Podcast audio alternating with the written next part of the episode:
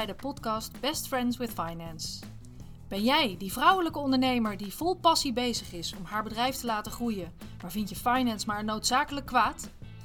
Wij, Antonia Eilander en Monique Bush, gaan je op een luchtige manier meenemen in financiële zaken, zodat finance voor je gaat werken in plaats van dat het je tegenhoudt in de groei van je bedrijf. Kortom, zodat finance ook jouw best friend wordt.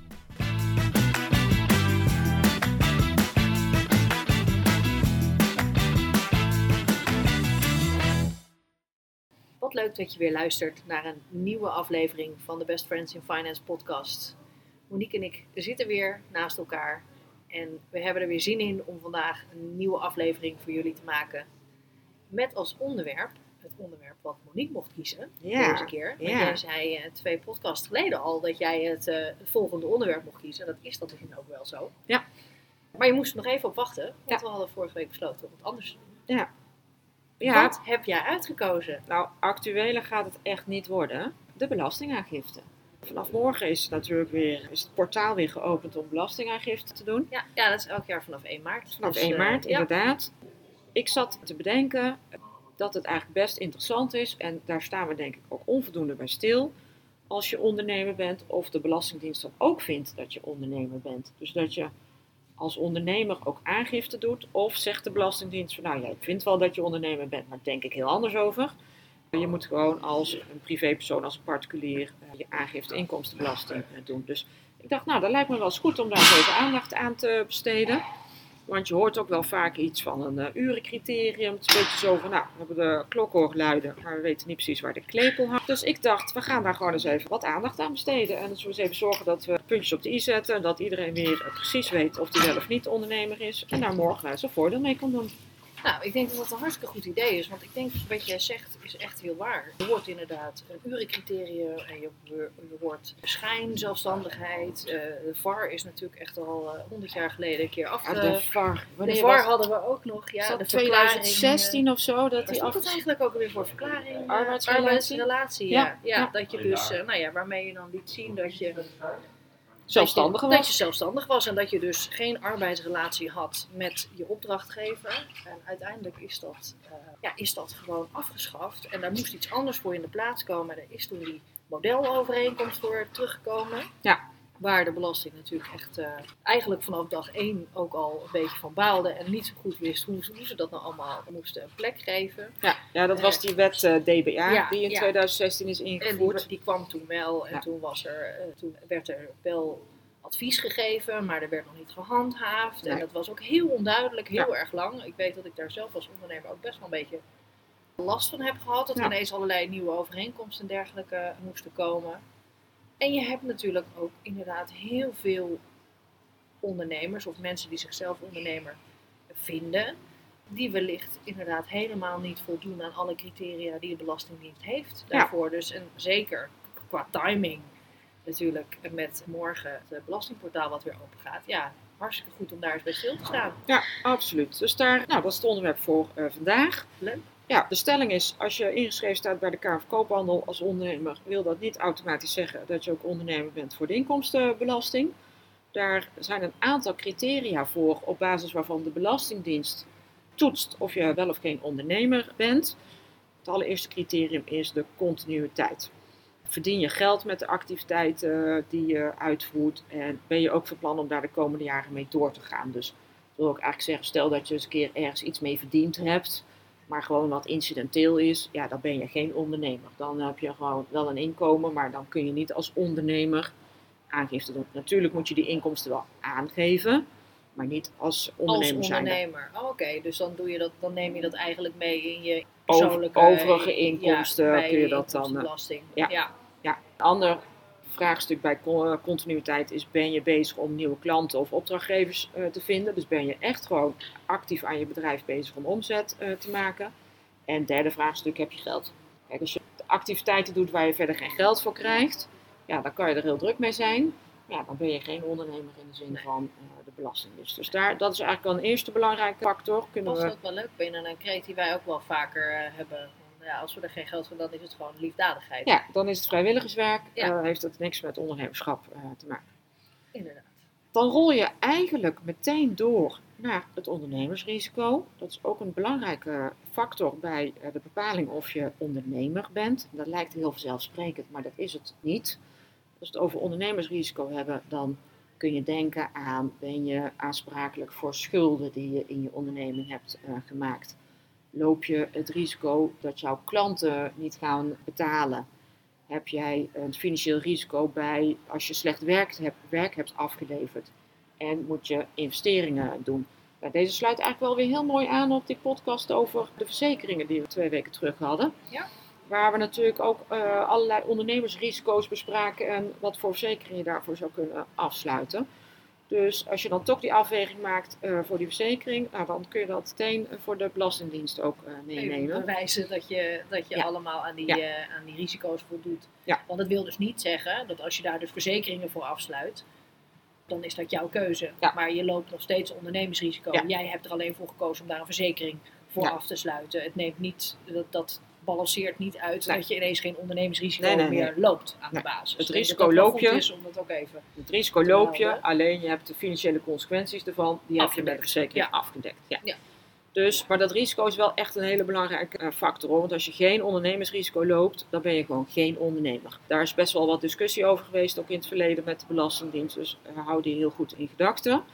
En de volgende, en ik denk dat jij daar ook best wel regelmatig een beetje mee zit, eh, Antonia, Mhm. is de bedrijfsomvang. Belastingdienst die stelt eigenlijk dat als jij een ondernemersrisico loopt en als jij zelfstandige bent, dat je minimaal drie klanten of opdrachtgevers per jaar hebt. En dat je minder dan 70% eh, van je omzet bij één klant of opdrachtgever realiseert. En ik kan me eigenlijk voorstellen dat dat in jouw praktijk best af en toe een, eh, lastig is. Nou ja, dat is ook wel waarom ik al jaren ook zelf een beetje worstel met de worsteling van de overheid met het, het zelfstandig ondernemerschap. Hè? Want je, ik snap heus wel waar al die effort op gericht is. Dat is natuurlijk vooral echt die schijnzelfstandigheid. De ondernemers die niet echt ondernemers zijn, maar de bedrijven die gewoon ja, liever wat meer flexibiliteit willen hebben in hun Ja. werknemersbestand. op aandringen dat iedereen maar zelfstandig tussen aanhalingstekens dan wordt. Terwijl het consultancywerk wat ik doe, ja, vind ik toch in een andere categorie vallen. Ja. Alleen voor de, door de overheid worden we wel allemaal over één kam geschoren. En dat maakt mijn werk soms een beetje lastig, omdat ik soms bij bedrijven zit waar echt serieuze chaos is op het moment dat ik binnenkom. Ja, laten we er gewoon eerlijk over zijn. Anders hadden ze mij ook niet nodig. Dat is ook wat ik leuk vind. Dus ik bedoel, je hoeft mij geen medelijden te Nee. hebben. Maar als ik daar dan binnenkom, dan is het soms niet in een jaar opgelost Nee. Dan vereist het best wel heel veel van mijn tijd. Wat betekent dat ik soms niet heel veel daarnaast kan doen. Hm. En dan op het moment is dat anders. Ik ben me als ondernemer natuurlijk ook aan het ontwikkelen. En op het moment zijn die drie klanten per jaar en die 70%, dat, dat haal ik ook wel. Dus dat, daar zit wat meer variatie in. Maar ik heb jaren gehad dat ik soms een paar jaar achter elkaar bij dezelfde opdrachtgever zat. Ja. En dat eigenlijk het leeuwendeel van mijn omzet ook daar vandaan kwam dat ik dan verschillende opdrachten uitvoerde daar, of verschillende projecten draaide achter elkaar, Ja, die heel verschillend waren, nam eigenlijk niet weg dat ik gewoon voor langere perioden dan een jaar wel bij dezelfde opdrachtgever zat. Ja. En daar heb ik me wel eens zorgen om gemaakt. want Ik heb het altijd wel in mijn achterhoofd gehad van, nou ja, moet ik het een keer uitleggen aan de Belastingdienst? Dan kan ik het wel Hm. uitleggen. Maar eigenlijk vind ik het een beetje krom ja het is het dat ook. de Ja. situatie bestaat waarin ik die toch op een heel ander niveau in een ander vakgebied ook die diensten verleen, Hm. die, die ze moeten inkopen, hè, die niet zomaar even iemand anders ook kan doen, dat je daar dan eigenlijk in dezelfde categorie geschaald wordt qua beoordeling of je nou ondernemer bent of niet. Wat daar wel heel erg in geholpen heeft, zijn die, eh, we hadden het eerder al over die wet DWA, Ja. daar hebben ze die modelovereenkomsten uitgehaald. En die zijn, nou, die beschrijven eigenlijk heel goed al deze zaken. Ja. Waarin mijn risico nog wat meer afgedekt is. Dat Mm. als ik gedoe krijg met de belasting, als ze een keer komen vragen, dat ik het wat makkelijker kan uitleggen. En nou helpt het bij jou natuurlijk ook dat je al heel lang zelfstandig ondernemer Ja. bent. Dus je kunt ook gewoon laten zien dat je door de loop van de jaren, heel veel verschillende... opdrachtgevers Ja. hebt gehad. Ja, Ja. Dat, dat helpt ook wel. Soms zit je inderdaad ergens wat langer. Maar ja, ook op dit moment ja, heb je toch meerdere opdrachtgevers. En soms overlapt het elkaar, soms Ja. heb, je er, heb ik er een paar tegelijk.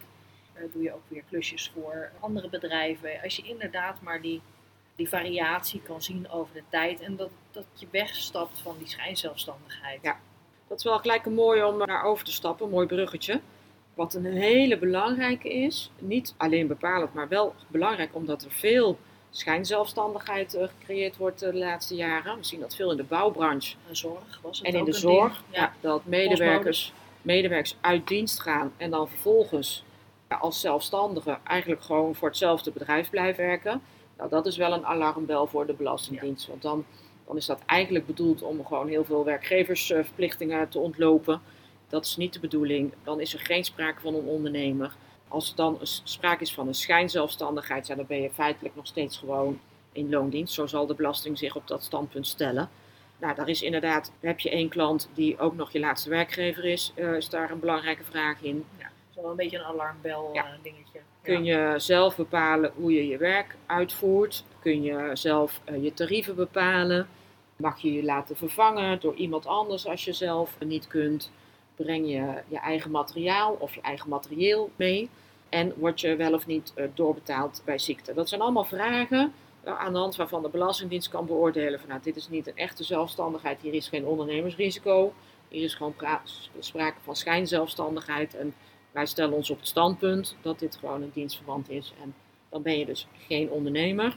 Maar het bedrijf wat jou vervolgens inhuurt, is, loopt daar dan ook wel flinke risico's. Want die hebben ook geen sociale lasten voor jou afgedragen. Nee. Dus die krijgen dan vaak ook nog wel serieuze problemen. Ja, dan krijg je een naheffingsaanslag. Hè? Ja. Dat, dat is dan, want uiteindelijk is het risico ook vaak voor je opdrachtgever. Ja. Omdat die dan echt aangeslagen worden Ja. voor de, voor de de- gederfde loonbelasting. Nou is het wel een heel actueel onderwerp, maar is de Belastingdienst niet aan het handhaven op dit moment. Omdat, nou, die wet DBA, en ja, DBA, dat, ik moest hem opzoeken hoor, ik wist niet waar de afkorting voor stond. Deregulering, beoordeling, arbeidsrelatie. Die is in 2016 ingevoerd en vanaf dag 1 was iedereen er eigenlijk heel erg ongelukkig mee. Dus die gaat ook weer afgeschaft worden. Alleen is nog gewoon niet duidelijk op wat voor manier dat nou wel goed geregeld eh, moet worden. En ik weet toevallig dat de Belastingdienst allerlei eh, consultatiegesprekken met bedrijven aan het voeren is. En vooral bedrijven in de bouwbranche. Om gewoon gevoel te krijgen met van nou wat speelt er nou in de praktijk. En hoe zouden we daar als Belastingdienst nou gewoon goed op in moeten spelen. Dus Ja. we denken er wel over na, maar er is nog geen goede oplossing. eh, Nou ja, het zou in ieder geval fijn zijn als er gewoon inderdaad wat meer onderscheid gemaakt wordt. Hè? Ja. Dat, je, dat het iets meer gericht... Daar zal het sowieso wel op gaan uitdraaien. Want je kunt Ja, niet alle dat is vanaf dag zelfstandigen... één het, het grote, de, de, de grote kritiek geweest, ook op wet DBA, van hé, hey, je kan niet de consultants, de echte puurzang consultants gelijk trekken met Nee. de beroepsgroepen die wat meer risico hebben op, op schijnzelfstandigheid. Ja. Nou, dat zijn eigenlijk de criteria waarop de Belastingdienst beoordeelt of je ondernemer bent. Dus de continuïteit, het ondernemersrisico, de bedrijfsomvang en de zelfstandigheid. Op basis van deze vier criteria bepaal je met de Belastingdienst of je ondernemer bent. Als het antwoord daarop ja is, dan ga je in de aangifte inkomstenbelasting je inkomsten aangeven als winst uit onderneming. Ja. Nou, wat heeft dat nou voor zin, zal je je misschien afvragen. Nou, als je ondernemer bent, dan heb je een aantal aftrekposten waar je gebruik van mag maken. En dan mag je, als je geen ondernemer bent, mag je daar geen gebruik van maken. Dus het kan echt wel de moeite waard zijn om dat even goed te onderzoeken. Nou, en de allereerste, en misschien ook wel de meest voor de hand liggende, is dat je je zakelijke kosten mag aftrekken van je winst. Ja. Daar zijn natuurlijk best wel weer wat, wat eisen aan gesteld, maar in principe mag je de kosten die je gemaakt hebt in je onderneming, mag je gewoon aftrekken van de winst eh, die je uiteindelijk eh En dat zijn dan vooral de kosten die je hebt gemaakt om je onderneming te drijven. Hè? Ja. Dat is eigenlijk een beetje de stelregel. Je kan voor de, voor de, op de Belastingdienst eh, website staan natuurlijk hele lijsten met dingen van nou denk hier wel aan, denk daar niet aan. Ja. Maar in principe is alles wat je redelijkerwijs kan aantonen dat je het nodig hebt gehad, of dat nodig hebt Ja. om je bedrijf te, te draaien, kun je mogelijk aftrekken. Ja, nou, denk dan bijvoorbeeld inderdaad de kosten van je mobiele telefoon. Nou, daar gaat de Belastingdienst niet heel ingewikkeld over doen. Nee. Maar als jij zegt, goh, ik moet eh, één keer in de 14 dagen naar de sauna, want ik moet mijn hoofd leegmaken, eh, anders ben ik geen goede ondernemer. Nou, ik zeg niet dat het niet zakelijk is, maar je hebt Dat vinden wel ze wel wat ingewikkelder. daar ja. moet je wel Ja. iets over eh, uitleggen. En hetzelfde is natuurlijk met investeringen. We hebben al wel eens besproken over investeringen. Nou, die mag je afschrijven. Als jij een laptop koopt voor eh, je bedrijf, dan vindt eh, de Belastingdienst dat helemaal geen probleem. Als je nou een horloge koopt, dan kun je wel zeggen: van, ja, ik moet weten hoe laat het is als ik op eh, een opdracht komt het zit. er later vanaf. afspraak. Ja, maar dan denk ik dat je echt, dan ben je echt een hele goede. Die beter als je daar de Belastingdienst van kunt overtuigen. Maar aan de andere kant, als je duiker bent voor, voor je werk, ja, dan is je duikhorloge natuurlijk gewoon wel Heel weer een onderdeel. Dus nou, ik zeg niet allemaal niet dat het niet kan, maar eh, denk er even goed, eh, Ja. goed over na. Dames, handtassen liggen soms wat ingewikkeld. Laptoptas weer niet. Laptoptassen weer niet, want Ja. dat is gewoon, dat is gewoon onderdeel van je, waar je je laptop in vervoert. Dus, je zorg dat tegenwoordig tas groot genoeg is. Hele leuke laptoptassen. Ja, Kunnen we ook wel eens een keer mee. een podcast Oh, over ja. opnemen. Heeft natuurlijk helemaal niks met finance te maken, maar leuke leuk, leuke van, werktassen. Werktassen, ja. Kom, we blijven even bij de les. Want, eh, en dan, dat urencriterium, we noemden dat net al aan het begin. Dan pas komt het urencriterium in het spel. Dat heeft helemaal niks te maken met of je wel of niet ondernemer bent. Het urencriterium is van belang voor de zelfstandige aftrek. En de zelfstandige aftrek is heel simpel gezegd: je mag gewoon een bepaald bedrag van de winst aftrekken, hoef je daar geen belasting over te betalen. En dat mag dus alleen als je meer dan 1225 uur aan je onderneming hebt besteed. Ja. In dat lopende kalenderjaar. En daar houdt de Belastingdienst geen rekening mee of je parttime werkt of niet. De Belastingdienst houdt ook geen rekening mee of jij pas op 1 augustus bent eh, begonnen.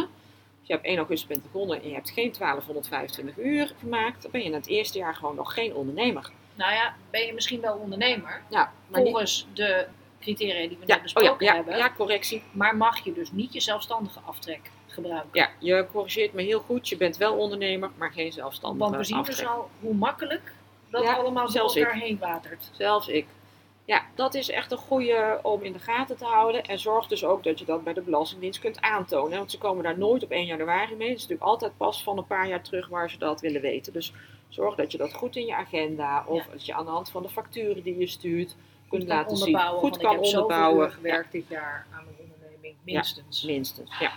Nou, en als je net begint als eh, ondernemer voor de inkomstenbelasting, dan heb je ook nog startersaftrek. Dat is nou nog een extra bedragje wat je Ja, dan eh, mag aftrekken. Ja, dat Die, die heb ik niet meer helemaal scherp. Nee, dat is ook alleen al heel maar lang geleden. volgens mij de eerste twee jaar Ja. dat je dat mag eh, aftrekken. En dat is ook niet zo heel erg veel, maar nou, het helpt Het gewoon wel in de opstart. als je echt Ja, begint. Alle beetjes Ja. helpen. Ja. Je hebt de, de MKB winstvrijstelling. Dat is wel een hele fijne. Dat is een bepaald percentage van je winst, wat je ook niet hoeft aan te geven. Dus je hoort het al, hè? Dus je hebt best wel een aantal posten waardoor je winst omlaag gaat, waardoor dus ook gewoon de belasting minder wordt. Dus dat is een eh, fijne. Eentje die ik ook heel fijn vind, is de investeringsaftrek voor kleine investeringen.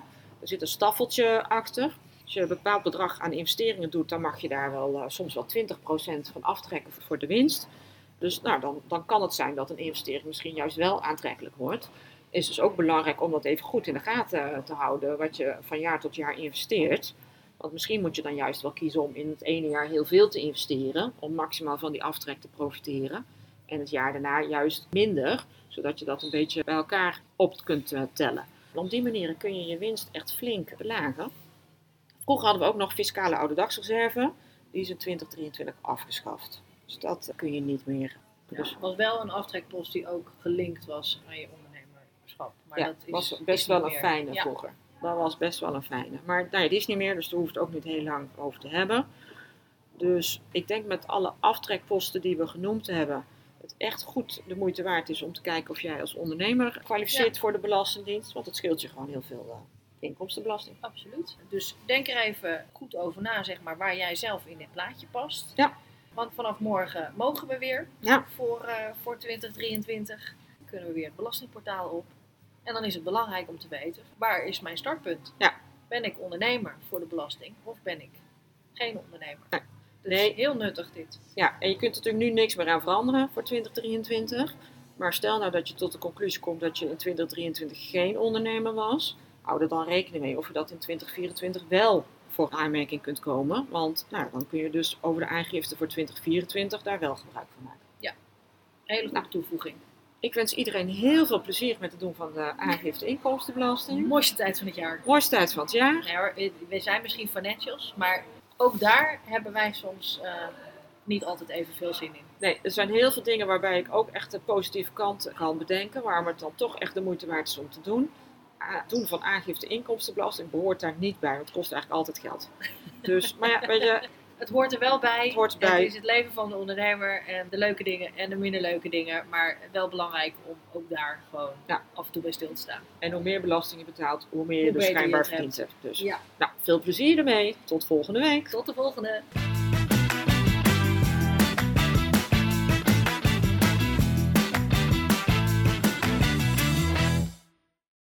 Dankjewel voor het luisteren naar onze podcast. Dat vinden we superleuk.